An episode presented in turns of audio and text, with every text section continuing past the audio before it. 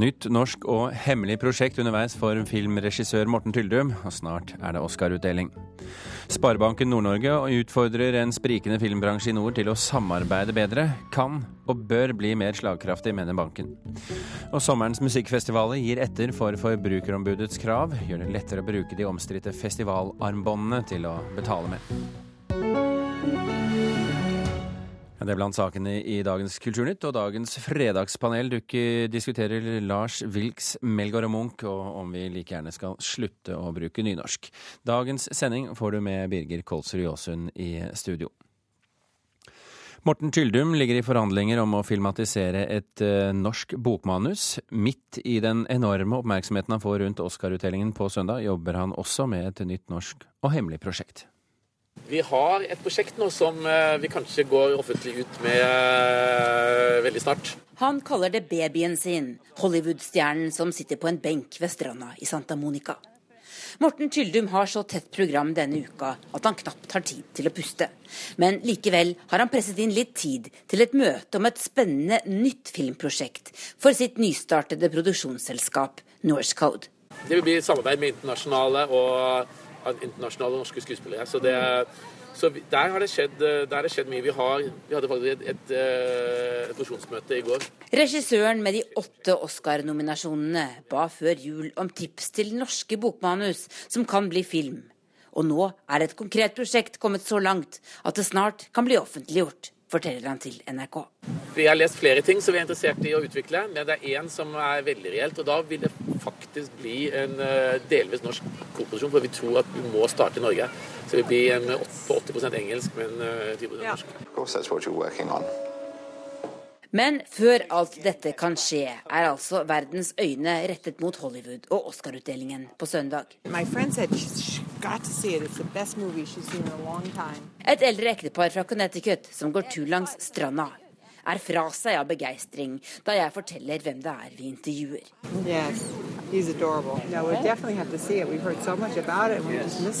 De har hørt mye godt om The Imitation Game filmen om matematikeren Alan Turing. Do you like, do you follow the Oscars? A little bit. Yes, yeah, I would say yeah, she does. Yeah, yeah. I would, I would say I do. Det å være en Oscar-nominert regissør liksom, betyr at nå har jeg et stempel som jeg faktisk har resten av livet. Mens regissør Tyldum tenker på framtida, er pressen og kona hans Janne opptatt av kjoler. Og det blir ikke norsk design på den røde løperen på søndag, slik det først gikk rykter om, kan Tyldum avsløre. Jeg vet at hun gjerne skulle jobbet med norske, hun vekslet med norske designere, men de er ikke her nede. Det er helt umulig å drive liksom og eh, prøve kjoler per e-mail. Sa Morten Tyldum til vår reporter Tove Bjørgaas. Og heller ikke den andre norske Oscar-kandidaten, Toril Kove, vil ikle seg norsk design på søndag. Kove var på forhånd i samtale med designeren Ingunn Birkeland, men pga. Av avstanden mellom Norge og Canada, hvor Kove bor, så blir det vanskelig å få kjolen eh, sydd ferdig og tilpasset tidsnok. I stedet er det den canadiske designeren Jackie Vatnsdal som har laget kjolen til både Toril Kove og datteren Runa på tolv år. Den røde løperen under Oscar-utdelingen anses for å være et av moteverdens viktigste PR-vinduer, og det mest stilte spørsmålet til kvinnene som skrider oppover, er Who are you wearing? Altså hvilken designer har laget kjolen din?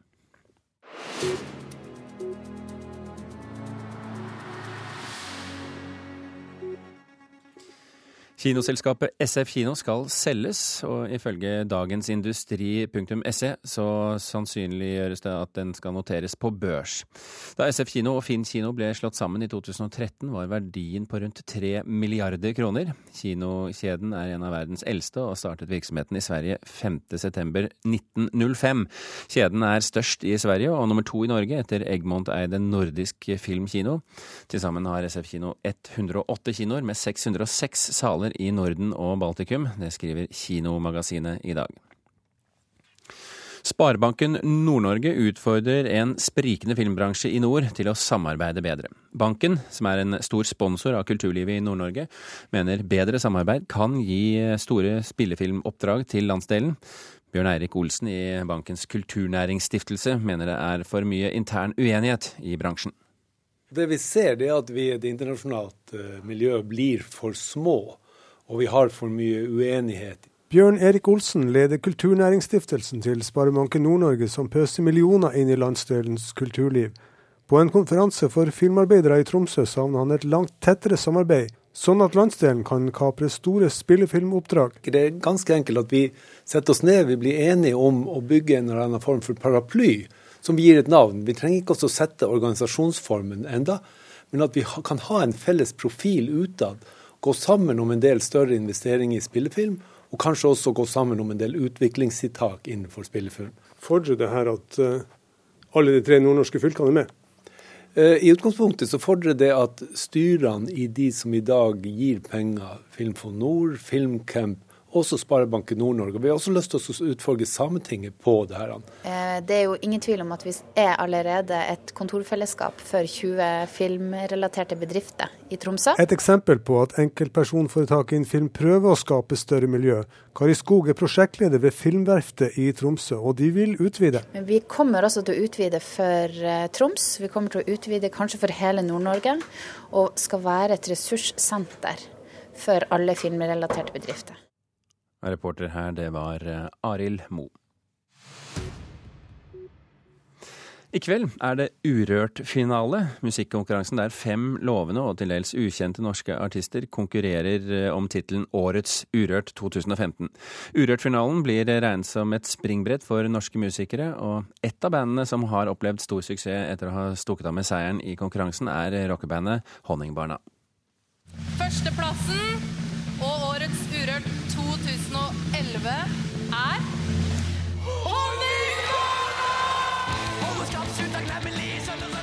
I 2011 vant rockebandet Honningbarna Urørt-finalen med låta 'Borgerskapets utakknemlige sønner'. Det husker ikke vokalist i bandet Edvard Valberg så mye av, for han har En eh, sånn lei tendens til å blekke under pressesituasjoner. og ikke huske noe av det i etterkant. Det er jo det som er greit med å ta sorgene på, på forskudd, er at en som regel blir kjempepositivt overraska. Spille Spiller du refreng? Jo, jeg spiller refreng. I øvingslokalet til Honningbarna rekker bandet en kort gjennomkjøring før det bærer videre til en av helgens mange konserter. Mye har skjedd siden de ble kåret til Årets Urørt i 2011. Spilt rundt i hele verden, vunnet Spellemann, blitt enda flinkere til å gjøre greia vår. Og det var nok eh, sånn pris som Urørt med på å motivere oss til å faktisk gjøre. Urørt på P3. I kveld står fem ferske artister på samme scene som Honningbarna sto på for fire år siden, og konkurrerer om å bli Årets Urørt 2015. Maria Garås Monsson er programleder for Urørt på NRK P3, og mener det er god grunn til å få med seg kveldens finale. Det er eh, generelt veldig høyt nivå. Vi har kjempeunge og spennende poppunkere fra Stavanger i Slutface. Og vi har også med oss kjempeny og spennende artist som heter Miss Tati, som liksom, representerer den nye urbane scenen i Norge. Vi har med spennende visepop fra Silja Sol, og vi har med ny elektropop fra Woodstock og Christian Christensen, som har en helt fantastisk stemme.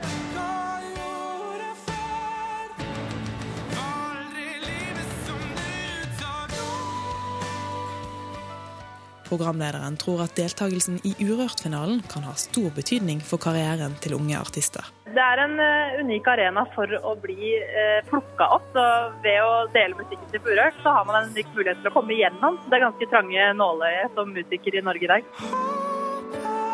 Så det skal gi meg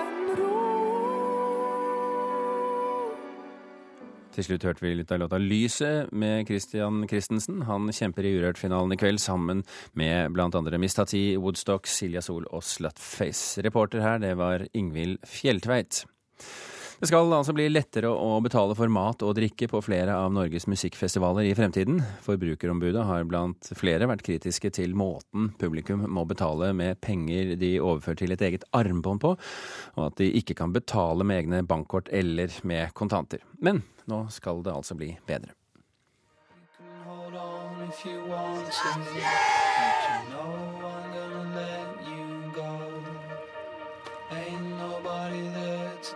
Gi oss en stor applaus! Det er fremdeles noen måneder igjen til vi kan nyte sommertilværelsen med festival, musikk og god stemning. Likevel er planlegginga allerede i full gang. Annet har måten man betaler for seg på flere av landets festivaler nå blitt endra. Slottsfjellfestivalen, Vinjerock og Stavernfestivalen har blitt kritisert for urettferdige betalingsløsninger, bl.a. fordi man må overføre penger til en festivalkonto, og ikke får igjen pengene etter festivalen hvis man ikke skulle ha brukt opp alt.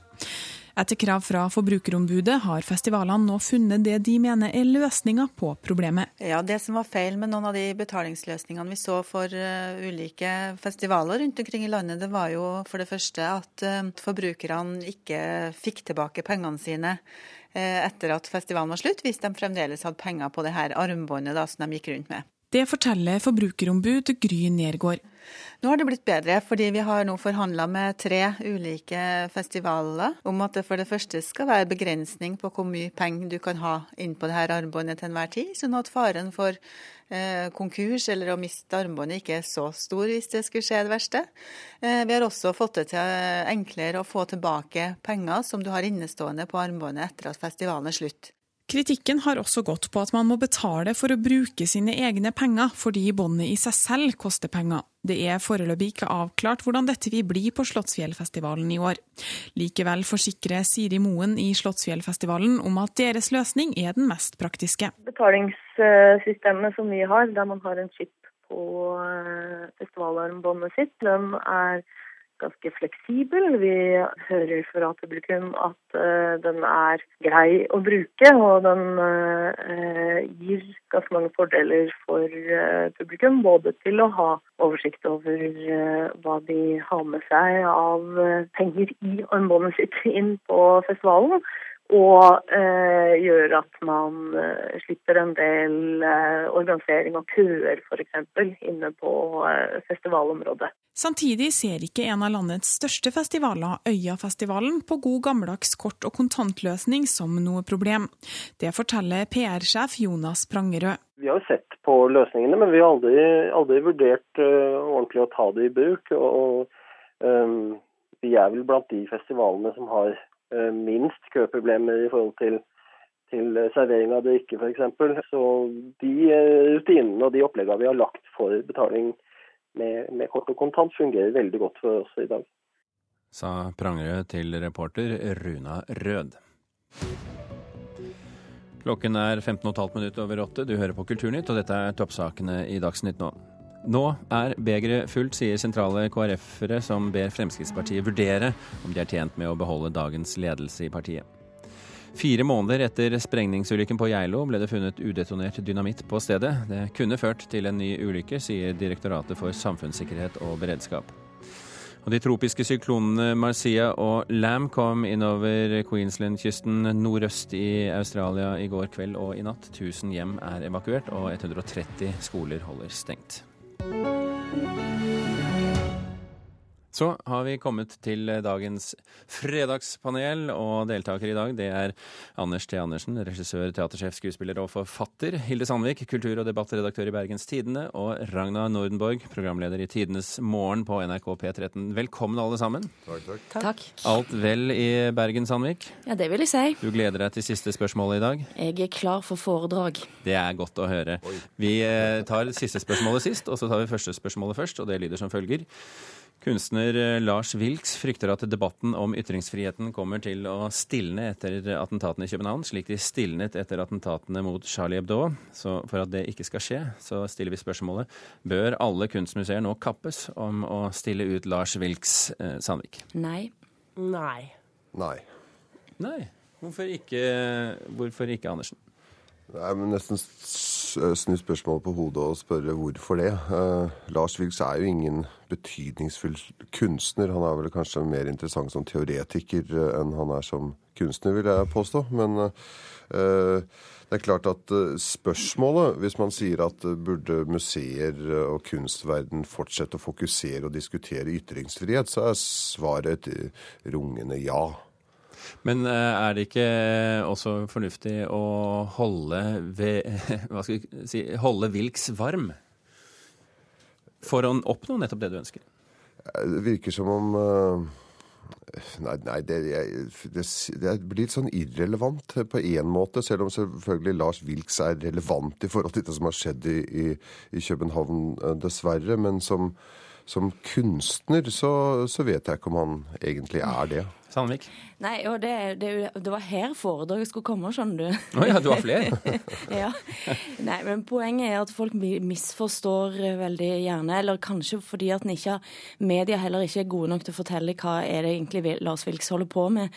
Eh, verket til Vilks er ikke tegningen i seg sjøl. Den gangen han tegnte Mohammeds hode på en kropp av en hund, skulle han stille ut eh, i eh, en hundeutstilling. Og det han da undersøker, er hvor går kunstens grenser.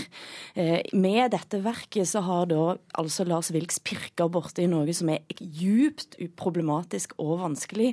Han viser nettopp hvor disse grensene går. Og når vi sitter her og diskuterer Lars Vilks er ingen tegner, han er ingen maler, han er en konseptkunstner. Eh, og når vi sitter her og snakker om, om skal han hentes inn i institusjonen, så sier det noen ting om den kraften som ligger i det verket, som handler om rett og slett nesten å manipulere kunstoffentligheten. Eh, det fineste, altså det som, en, det som jeg tenker, Hvis ikke folk vet hva de skal gjøre i vinterferien, så går det an å reise til Skåne, og så går det an å gå ned til det landet som eh, som eh, Lars Wilks faktisk har annektert. bygde en liten egen stat som heter Ladonien, eh, med et verk Nimis.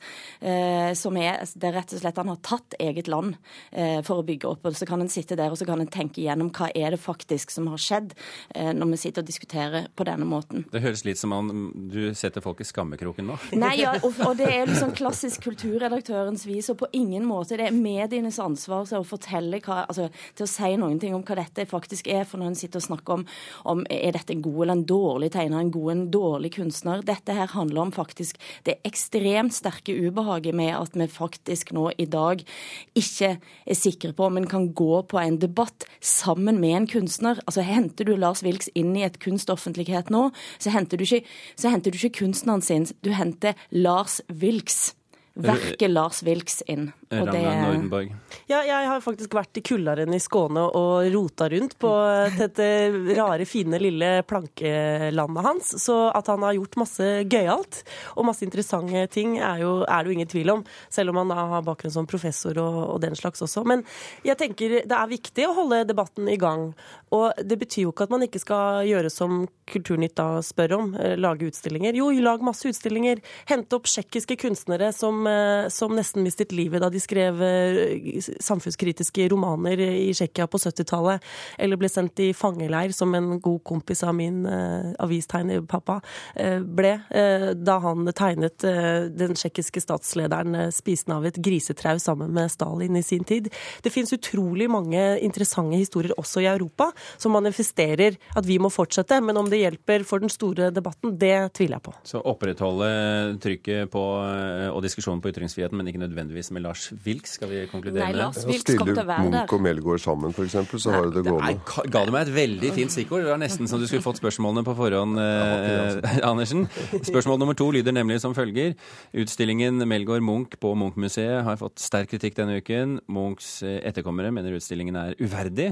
Noen mener Melgaard setter Munch i skyggen, mens andre ikke skjønner hva Melgaard vil i det hele tatt. Han forklarer ikke det at han eh, stiller ut pedofili, at han stiller ut sadomasochisme, at han stiller ut sadisme, at han stiller ut anuspenetrering med pistol, at han stiller ut små barn som blir sett på med seksualiserte blikk. Det er så spekulativt. Han, han snakker vi... ikke om det. Hva er det han vil? Vil han leg legitimere det, eller vil han advare? Spørsmålet vårt er er Melgaard stor nok for Munch? Eh, Sandvik? Ja. ja. Eh, det kan jeg ikke svare på. Nei, da går vi heller til de andre, vi. Nordenborg. Nei, det handler vel egentlig ikke om størrelse. Det gjør det det noen gang, lurer jeg på. Jeg tenker det er viktig å se dette ut fra et sånn kuratorperspektiv. Ja. Er, det, er, det, ikke spennende å kunne ta to størrelser, eh, små eller liten eller like store, opp mot hverandre og se hva man kan få ut av det? Her har man valgt en kunstner som er eh, vår aller største, eh, historisk, Munch. Og så har de tatt en som er, eh, i hvert fall i enkelte kretser i verden, en av de aller største samtidskunstnerne. Så blir jo spørsmålet om det er godt kuratert.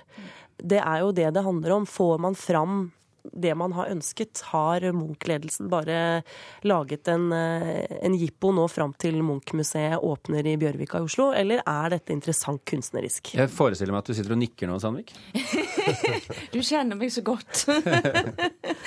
Nei, men altså, jeg har ikke sett utstillingen ennå, det, det, må jeg bare si. Men, men er, altså, er, det en kunstner som presser på konformitetens grenser, så er det Bjørne Melgaard. Sant? Det er ubehagelig. Men det, har, det ubehagelige har nesten blitt så konformt, det òg, i seg sjøl. Så jeg tenker nesten at når jeg hørte at denne diskusjonen som kom, kom, så tenkte jeg hvor er det nå har rotet fram for å på en måte få opp denne krenkelsen? Altså, jeg trodde nesten ikke denne eksisterte lenger. Så tenker jeg OK, men kanskje det er nettopp fordi at en plasserer det sammen med Munch, at en både kan se Melgaard med et annet blikk, men òg kanskje Munch, for alt jeg vet. Men spørsmålet er om den samtalen som blir rundt, og det museet nå sier utad, altså at det, at det gjør det for enkelt, det kan godt være. Men jeg har som sagt ikke sett rommet, men jeg, jeg får jo lyst til å, å, å, å se. Ja, det går tog til Oslo, vet de. Det gjør det, men ikke alltid. Nei, Andersen. Nei, altså Det blir litt som det spørsmålet om Lars Wilks. altså For, for guds skyld stille ut Lars Wilks. Hvis noen vil stille ut Munch og Melgaard sammen, så må de jo gjerne gjøre det. Det er vel tilbake til en slags Om ikke ytringsfrihet, Du er veldig sjenerøs i dag, syns jeg. Ja, jeg uttaler meg generelt på et veldig tynt grunnlag.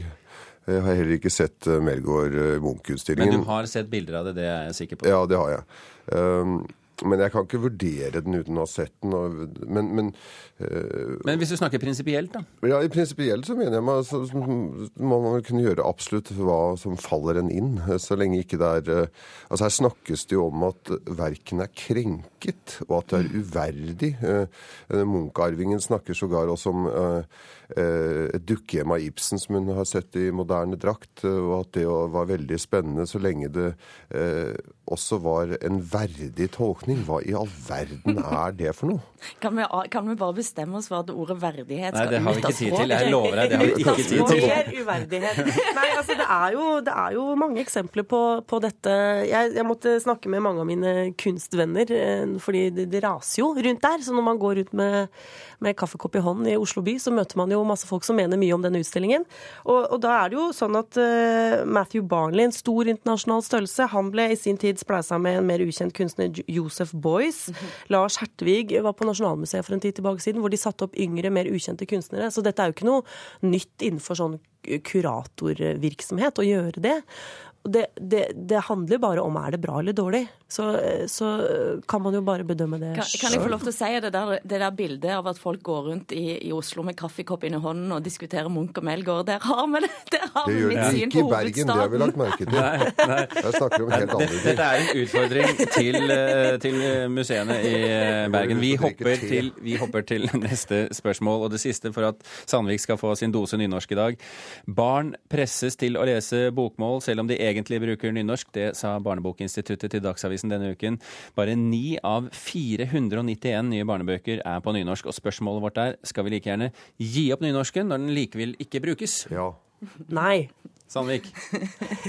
ja, så gir vi opp all det annet ting vi ikke bruker. Matematikken eller eh, papiravisene og Ja, ja, det nei, går jo altså, den veien. Ja, nei, det går jo filleveien med absolutt alt, selvsagt. Nei, men altså, klart en skal ikke gi opp eh, det som er et, så, en ganske sentral del av norsk kulturhistorie og som er da i bruk. Det vil jeg da melde om her fra Vestlandet, at nynorsk er faktisk i bruk. Men det som er, og her kommer det bitte lille miniforedrag, en er nødt til å, å, introdusere nynorsk tidlig for barna.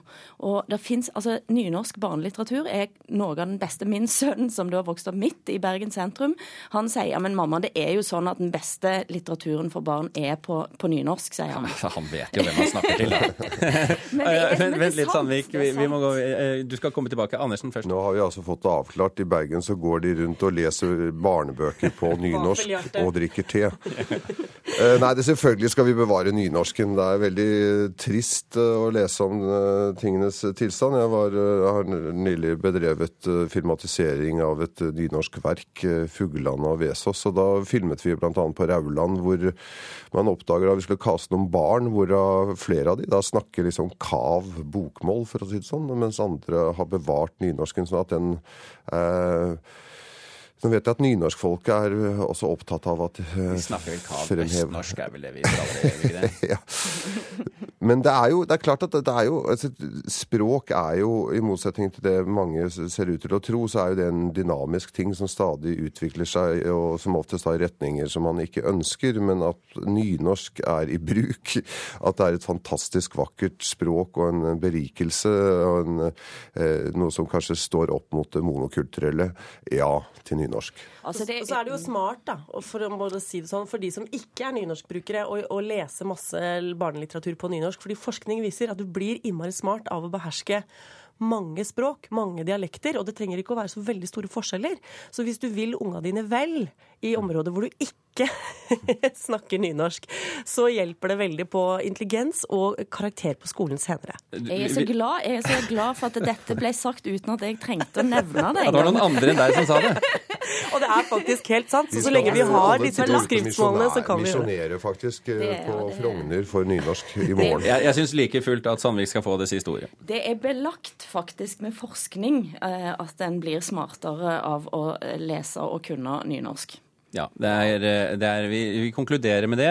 Og så takker vi da selvfølgelig både Hilde Sandvik, Anders T. Andersen og Ragna Nordenborg for at dere kunne utgjøre Fredagspanelet i dag. Og så må vi si, i tillegg til sin faste lytterskare på radio, så har jo Kulturnytt også sin faste gjeng som laster ned sendingene på podkast. Og fra og med i dag, som en slags ekstraservice, legger vi også ut Fredagspanelet som egen podkast. Om du er en av dem som ikke kan leve uten det, så kan du gå inn på nrk.no podkast og sette opp abonnementet der. Det er eh, snart eh, på tide å få Øystein Heggen tilbake i studio for flere nyheter fra fjern og nær. Kulturnytt eh, er i ferd med å runde av, som du forstår. Hilde Tosterud, Gjermund Jappé og Birger Kolsrud Jåsund takker for følget i denne omgang.